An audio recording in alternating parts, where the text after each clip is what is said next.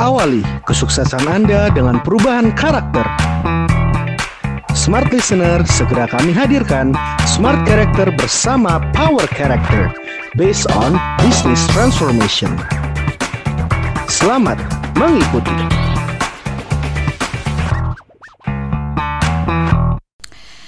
Halo selamat malam Smart Listener dan juga sahabat Sonora yang bergabung bersama dengan kami malam hari ini Overthinking, Managing Overthinking Kan berpikir itu bagus Betul, betul, ya betul. kan?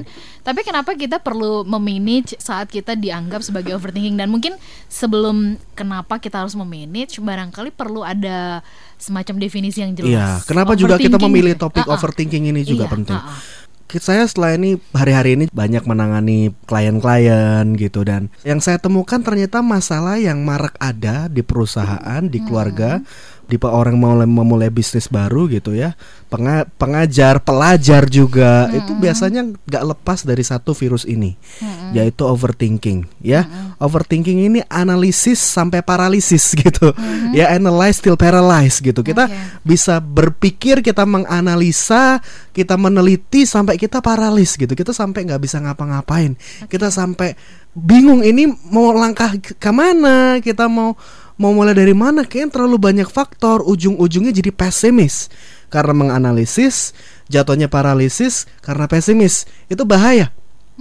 Nah oleh sebab itu smart listener penting sekali saya rasa membahas hari ini karena kemarin saya baru juga dapat chat saya bilang kayak gini Pak Harmoni tolong Pak saya benar-benar nggak bisa berhenti untuk berpikir saya oh saya sadar saya overthinking tapi saya nggak mengerti bagaimana saya menghentikan pikiran saya untuk stop Oke, mulainya dari mana? mulainya dari mana ya? juga bingung gitu nah oleh sebab itu pada malam hari ini saya rasa nggak cuma satu yang mengalami ini Oke. saya rasa banyak juga smart listener yang terjebak akan hal ini. Hmm. Nah, oleh sebab itu kami memutuskan untuk memilih topik overthinking pada malam hari ini. Hmm, Sekaligus juga kami rindu ingin menolong para smart listener yang untuk bebas dari kabut overthinking di kepala Anda. Mm, mm, mm. Nah, apa sih tandanya? Atau mungkin boleh didefinisikan? Oke. Overthinking ini maksudnya seperti apa? Berpikir oke. terus gitu terhadap sesuatu hal seperti apa Oke. begitu? Overthinking adalah sebuah kondisi pada diri kita sendiri di mana kita tidak mampu mengambil keputusan terhadap semua analisa yang telah kita buat. Ya. Dan efek dari paralis ini adalah ke- keputusan yang terlalu overcomplicated, malah nggak efektif, malah nggak efisien, malah ribet. Mm, mm, mm. Pernah nggak sih kadang-kadang kita terjebak gitu Aduh kok kayaknya otak gue tuh ribet banget gitu Iya. Kenapa sih kok kayaknya sesuatu yang simple dibikin rumit gitu sama kita iya. Kita sampai jadi bingung sendiri Oh iya ya tinggal pindahin aja beres gitu loh Iya. Oh iya ya ternyata gun ya kita tinggal muter aja gunung itu Kenapa kita harus ngeliat gunung itu Mm, mm. gitu loh kita nggak harus mendaki kita tinggal muter gitu. Iya. oh ternyata kita nggak perlu ini kita nggak perlu itu. Kita banyak jalan menuju ke Roma gitu. Jadi kondisi di mana jiwa kita hati kita itu pun stres gitu Mm. dan kita nggak mampu khawatir jadinya pesimisan dan kita nggak mampu mengambil keputusan apa pun Oke, nah mungkin boleh nggak baik Mas Hans atau juga Mas Conan atau Mas Ha- Mas Harmoni ini dijabarkan kepada kami gitu loh tanda-tanda bahwa seseorang ini sudah overthinking tuh seperti apa sih ciri-cirinya supaya mudah kita kenali ya? Jangan-jangan saya termasuk yang overthinking nih gitu. Silakan Mas Hans boleh kasih catatannya?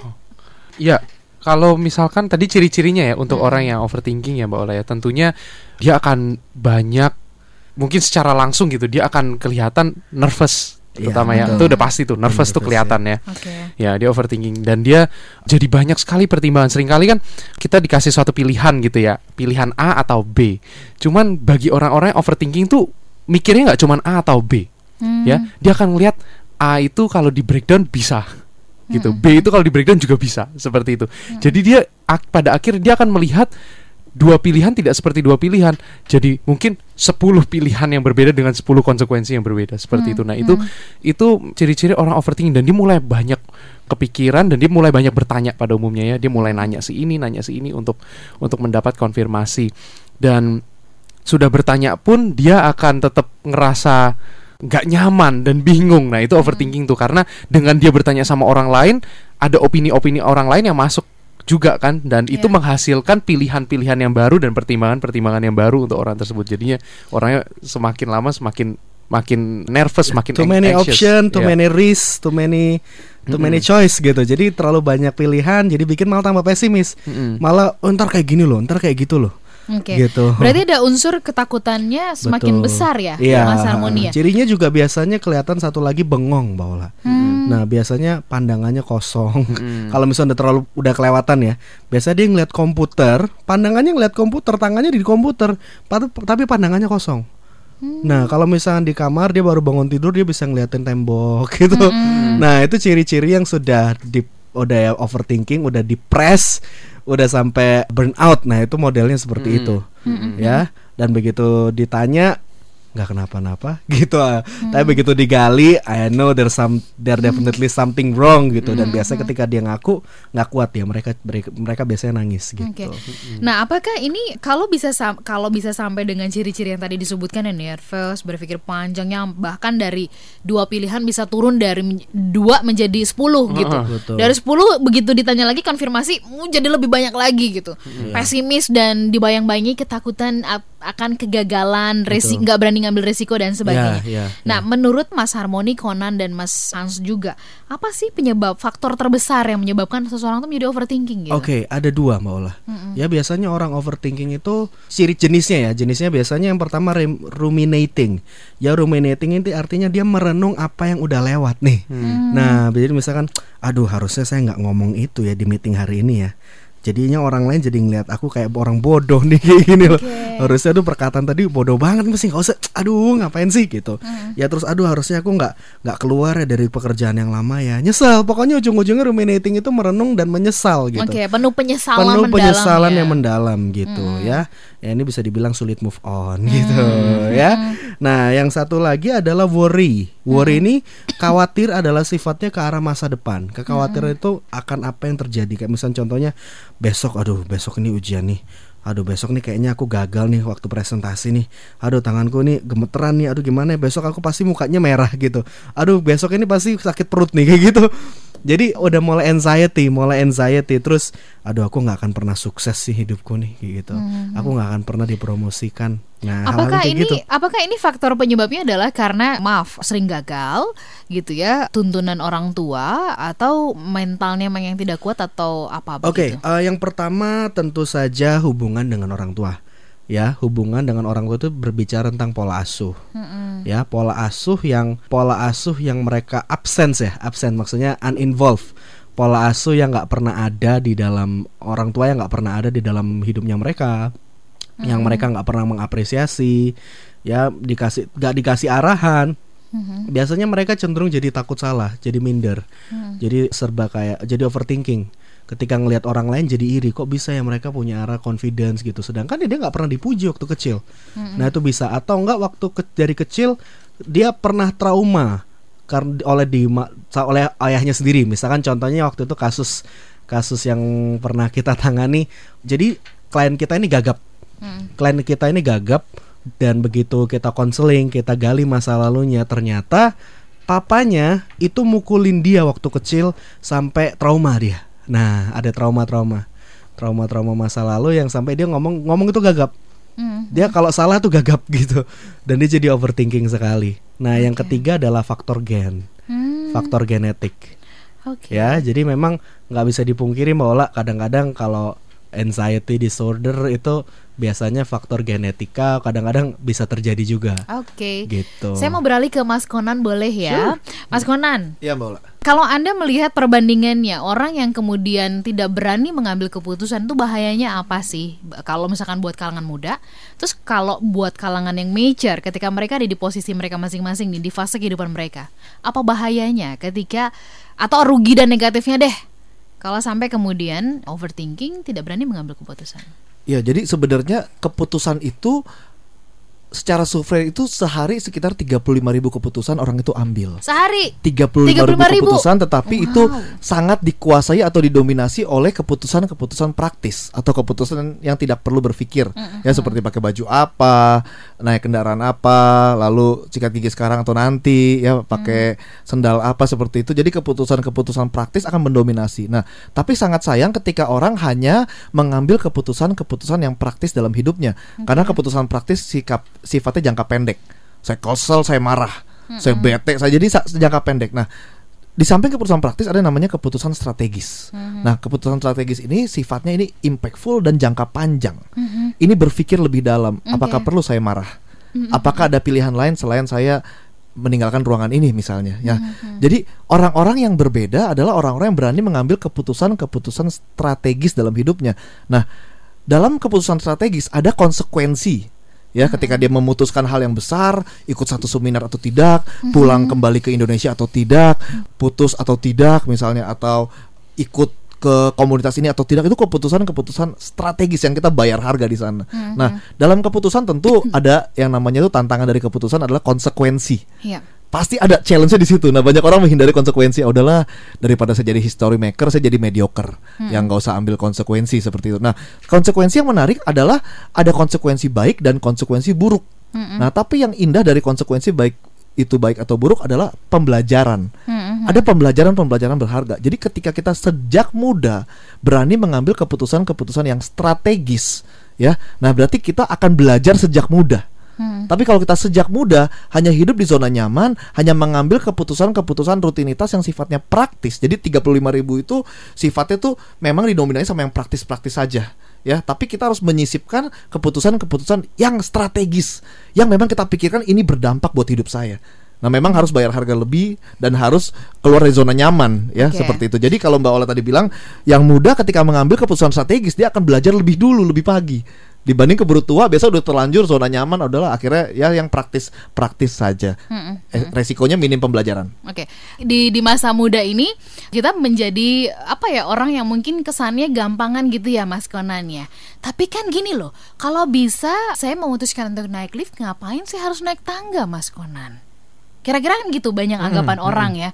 Kalau bisa kita dengan cepat eh, sampai ke satu tujuan, shortcut gitu loh. Kenapa sih mesti menempuh jalan yang merumitkan diri sendiri? Gimana sih memahaminya Mas Konan? ya pertama mentalnya harus ta- harus satu tidak ada shortcut untuk memiliki mindset atau mental yang kuat gitu ya kesuksesan tidak diraih secara in- instan gitu ya harus ada proses trust the process trust setiap proses yang memang Tuhan izinkan Itu ya. tetap nggak bisa ditawar ya. Iya tidak bisa ya. Jadi memang ada proses gitu ya. Ada tidak bisa shortcut. Nah misalnya contoh kalau kita bisa sudah dikupas durennya ngapain kita harus ngupas sendiri begitu Iya, iya, kan? betul. Tapi kan permasalahannya bagaimana kalau keadaannya tidak ada yang mengupas. Nah di situ apa kita nunggu ah nggak mau pokoknya harus ada yang ngupasin. Contoh ketika memang konfirmasi itu baik ketika kita mengambil keputusan pasti kita suka bimbang. Kenapa? Karena kebanyakan nimbang sehingga keputusan jadi ngambang. Nah, jadi nah ketika orang mengambil keputusan pasti kan banyak ada yang manusia kita bimbang dan orang butuh selalu yang namanya konfirmasi, setuju ya. Nah, tapi kan bahkan orang yang overthinking akan mencari sangat banyak konfirmasi walaupun dia sudah terkonfirmasi tapi nggak puas. Saking takutnya. Nah pertanyaannya kan konfirmasi baik gak baik. Tapi kalau sampai keadaan itu tidak ada orang yang bisa melihat konfirmasi ya kita tetap harus mengambil keputusan. Iya, iya. ya jangan sampai desire kita mimpi kita terkubur hidup-hidup. Hmm, akhirnya kita jadi orang yang sangat menyesal ujungnya. Karena kita banyak melakukan hal yang kita kubur sendiri. Oke. karena tidak berani ngambil ngambil keputusan. Jadi intinya konfirmasi baik sangat baik. Tapi kalau memang tidak ada yang memberi konfirmasi tidak bisa banyak orang memberi konfirmasi ya kita harus percaya sama mimpi kita itu sama keputusan kita. Jadi belajar untuk menga- berani mengambil keputusan. Tapi tentu ketika orang sifatnya overthinking karena salah satu penyebab overthinking adalah asumsi yang berlebihan. Oke. Orang itu punya asumsi terhadap sesuatu. Wah, asumsi kenapa tim A dan tim B, tim B divisi A dan divisi B tidak bisa berkoordinasi karena divisi A berasumsi, ah, gue mau udah tahu lah orang-orang B begini bakal. Ah, jadi asumsi itu jadi dia berpikir berlebihan. Udahlah, udah kita biar capek-capek dah. Udahlah, nggak berhasil nggak berhasil deh. Jadi dia jadi berpikir berlebihan karena asumsinya sendiri sehingga tim A tim B bukannya berkomunikasi mengkonfirmasi tapi ya sudah begitu saja. Kenapa? Karena asumsinya akhirnya timnya jadi tim yang overthinking berpikir berlebihan terhadap satu masalah yang sebenarnya ada ada solusinya ketika sinergi. Oke. Seperti itu. Ada Lutfi Hasan yang bertanya nih ya dari Bangka. Selamat malam Lutfi Hasan. Bagaimana kalau misalkan berkali-kali mengambil keputusan yang salah? Masa sih kita harus seperti keledai katanya jatuh ke lubang yang sama. Nah, bagaimana kita caranya bisa mengambil keputusan yang tepat apalagi kalau sudah ada di persimpangan jalan? Ayo. Oke. Yang penting ini orang-orang yang punya orang yang berespon benar itu ketika dia jatuh tujuh kali dia bangkit 8 kali dia gagal 29 kali dia bangkit ke 30 kalinya gitu nah kalau misalkan yang bodoh itu ketika dia gagal di kesalahan yang sama ya jelas-jelas satu tambah satu sama dengan dua tapi dia jawab dua setengah terus gitu kan ya repot ya Udah gitu. tahu dengan Betul. cara begitu salah terus Ah, diulangi lagi. betul. Nah, itu bahaya. Nah, jadi supaya gimana supaya kita memutuskan untuk ke- mengambil keputusan yang tepat ketika di persimpangan. Ya kita ngelihat possibilitiesnya aja. Nah, berpikir tuh nggak boleh berlebihan. Kadang-kadang karena kita punya karena kita kawa punya ke- pengalaman akan kegagalan di masa lalu itu membuat kita jadi overthinking bisa Hmm, dan jadi aduh kok saya jadi kayak keledai ya gagal terus gagal terus ini gimana ya Oke. nah itu anda perlu belajar untuk em, cari mentor mungkin ya, Ya, mungkin ya, yang betul. sesuai dengan expertise an- expertise yang anda ambil. Mungkin anda lagi dalam persimpangan dalam hubungan misalkan. Oke. Ya anda carilah orang yang sudah menikah yang memang dilayak jadi panutan hidup dan anda bisa berdiskusi dengan dia. Mhm. Nah, itu bagus gitu dan kalau misalnya ada seorang businessman, Anda baru belajar membuka bisnis, carilah orang-orang yang sudah sukses dalam bisnis. Maka para pementor tersebut itu bisa menegur Anda, "Hey, kamu lagi overthinking, kamu jangan jangan di persimpangan jalan terus, ambil keputusan gitu." Itu akan menolong Anda. Oke, Mas Konan ingin menambahkan. Ya jadi tadi sedikit untuk Mas Lutfi Hasan. Jadi pastikan sebelum kita mengambil keputusan tadi Harmoni sudah singgung, pastikan kita melakukan yang namanya analisa, mempelajari sama mengevaluasi. Ya analisa, mempelajari dan evaluasi. Makanya supaya tidak jatuh di lubang yang sama, pastikan sebelum keputusan diambil ada proses analisa, saya ulangi, mempelajari dan evaluasi sehingga ketika kita menganalisa, mempelajari dan evaluasi, baru kita punya pilihan-pilihan atau opsi-opsi. Nah, dari opsi itulah yang kita punya landasan kuat mengambil keputusan. Tanpa analisa, tanpa belajar, tanpa evaluasi, pilihan kita dasarnya nggak kuat, sehingga keputusan kita ragu-ragu sekali, sangat ragu-ragu. Nah, tadi Harmoni juga menyinggung tentang penting punya mentor, expertise di bidang sana, sehingga kita punya referensi yang lebih luas, lebih tajam dan lebih bagus gitu ya. Mm, Oke, ada Mas Adi di Jakarta. Overthinking itu katanya takut salah ambil keputusan, bukan risk taker dan tidak dapat keep it a simple stupid suatu masalah serta cenderung mudah stres. Gimana komentarnya?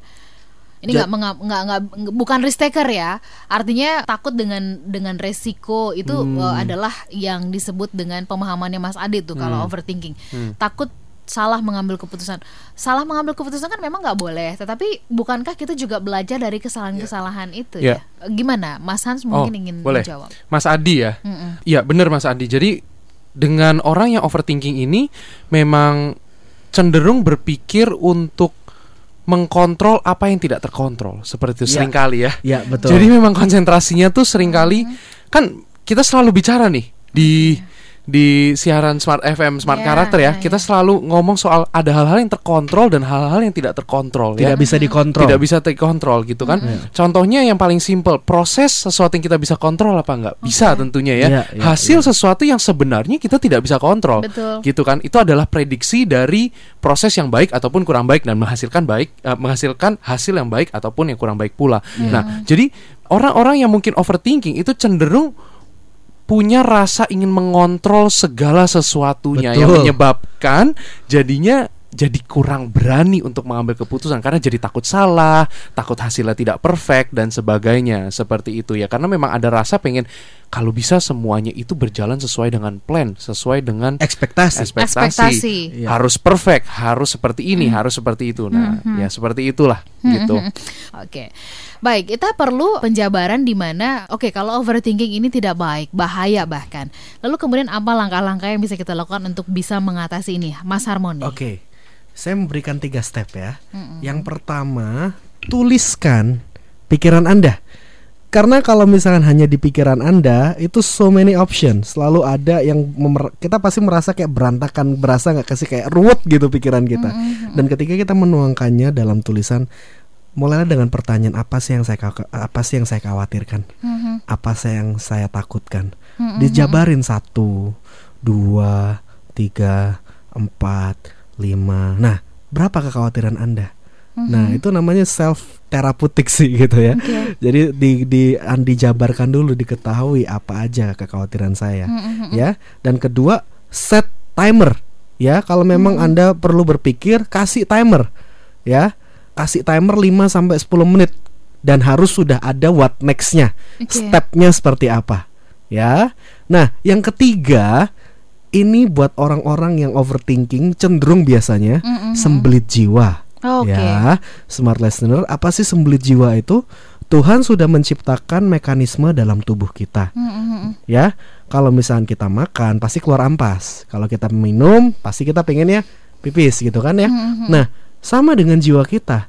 Kalau kita bahagia kita seneng kita pengen juga kasih tahu kepada dunia kita ini seneng gitu loh. Ya. ya kan? Jalan-jalan jadi pengen wah pengen update status dan lain sebagainya. Bersyukur kita update status. Tapi kalau kita lagi galau kita lagi stres kita diem. Dan biasanya pikiran-pikiran yang orang-orang yang punya kecenderungan overthinking buat apa sih saya cerita? Oke. buat apa sih saya ngomong sama orang lain? Emang menyelesaikan masalah? Nah itu yang membuat mereka ngerem untuk ngomong ya itu yang membuat mereka jadi dipendam dipendam dipendam dipendam ujung-ujungnya sem- sembelit jiwa. Dan biasanya kalau di tes itu banyak bintangnya kayak kalau kita tes darah banyak oh ini overthink ah, apa darah tinggi nih oh ini kolesterol. Sama kondisi jiwa kita juga bisa diukur lewat Oke. foto karakter. Ya jadi please kalau misalnya itu berlebihan ujung-ujungnya reaksinya bisa kayak gitu yang tadi kita sebutkan.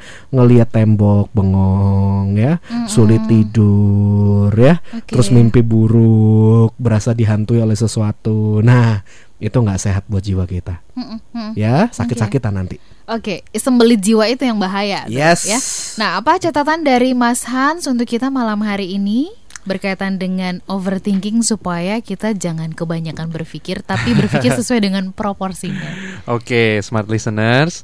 Yang pertama yang saya mau sampaikan adalah terkait mindset ya. Iya. Overthinking ini bisa dirubah dengan mindset yang benar ya. Kita harus tahu dalam hidup ini diri kita adalah pengebudinya. Oke. Seperti itu. Kita yang menyetir kehidupan kita kita mau bawa ke mana. Mm-mm. Dan selalu ingat bahwa pikiran yang Tuhan sudah kasih ke kita adalah sebuah instrumen, Iya, iya. sebuah alat seperti itu. Hmm. Jadi belajar untuk jadi master atau majikan dari pikiran itu sendiri wow ya bukan jadi hamba seperti itu. Itu Yes. itu sesuatu yang harus ada dulu nih di mindset kita ya. Ya, ya. Kita adalah master dari pikiran kita sendiri. Jadi Oke. mulai pikiran kita ke mana-mana kita harus bilang, ayo fokus. Hmm. Mm-mm. Apa sih yang sebenarnya aku ah, yang yang aku khawatirkan? Ya, tadi Oke. Mas Harmoni sempat bilang ditulis seperti itu. Dan kita dengan praktek-praktek simpel seperti apa yang uncontrollable dan hal-hal apa yang controllable smart Yes. listeners ya. Seringkali orang-orang yang overthinking ya, itu kan perfeksionisnya tinggi. Oke. Jadinya kita harus bedakan nih orang sering kebalik nih ya menjadi yang terbaik sama melakukan yang terbaik seperti itu. Menjadi yang terbaik uncontrollable apa controllable? Uncontrollable ya kan? Iya, iya. tapi melakukan yang terbaik adalah controllable seperti Betul. itu. Jadinya Oke. kita jangan kebalik ya. Selalu berusaha untuk melakukan yang terbaik. Menjadi yang terbaik ya itu terserah Tuhan ya ya Ya, seperti ya. itu ya itu saja pesan saya malam hari ini Oke. Wow, luar biasa ya Oke, bagaimana dengan Mas Konan? Ya, supaya overthinking orang overthinking cenderung karena melihat satu masalah. Jadi pertama salah satu solusinya kita harus belajar berpikir prioritas. Sehingga masalah itu sudah bisa terurai sedikit di, di kepala kita. Jadi tidak terlalu besar ya. Berpikir prioritas. Misalnya ibaratnya kita ada di satu ruangan, Oke. hanya ada satu jalan keluar pintu itu, pintu itu tertutup oleh dua 12 sak karung beras ya. Kalau kita berpikir untuk mendorong semuanya ya kita akan stres. Kalau kita nggak ngapa-ngapain cuma memandangi 12 itu kita juga akan stres. Tapi kalau kita ambil bangku kita cari orang bantu satu persatu kita turunin ya kan sehingga kita bisa melihat masalah lebih jernih. Fokusnya ke solusi bukan ke problem. Jangan terus membesar-besarkan masalah menyebarkan aura negatif ya negative thinking tapi kita harus berpikir ke solusi. Pasti ada jalan keluar. Coba berpikir prioritas yang mana dulu yang mana dulu. Dan cari orang yang bisa berpikir juga dewasa membantu memperkaya sudut pandang kita. Dan yang kedua tadi benar-benar yang tadi Hans bilang fokus sama yang kita bisa kontrol karena itu pure tanggung jawab kita. Jangan fokus ke yang kita tidak bisa kontrol pastikan yang menentukan Ya. respon kita bahwa kita overthinking itu diri kita sendiri, bukan orang lain atau keadaan. Respon Oke. kita harus terus benar itu. Kita marah-marah pun misalkan di- kepada 12 karung besar yang ada di depan kita itu tidak, Tidak akan merubah. memindahkan Tapi ya. pikirkan apakah Ya. saya harus angkat satu-satu dan siapa yang bisa membantu cari bangku cari tangga sehingga satu-satu kita urai sudah mulai Hmm. dengan kepala dan apa namanya pola pikir dan tindakan yang berpikir dan bertindak sesuai prioritas itu akan membantu kita Baik, terima kasih untuk Anda semua yang sudah menyimak. Semoga perbincangan kami ini bisa memberikan semangat, motivasi, dan inspirasi untuk Anda. Baru saja Anda menyimak Smart Character bersama Power Character based on Business Transformation. Awali kesuksesan Anda dengan perubahan karakter. Terima kasih dan sampai jumpa.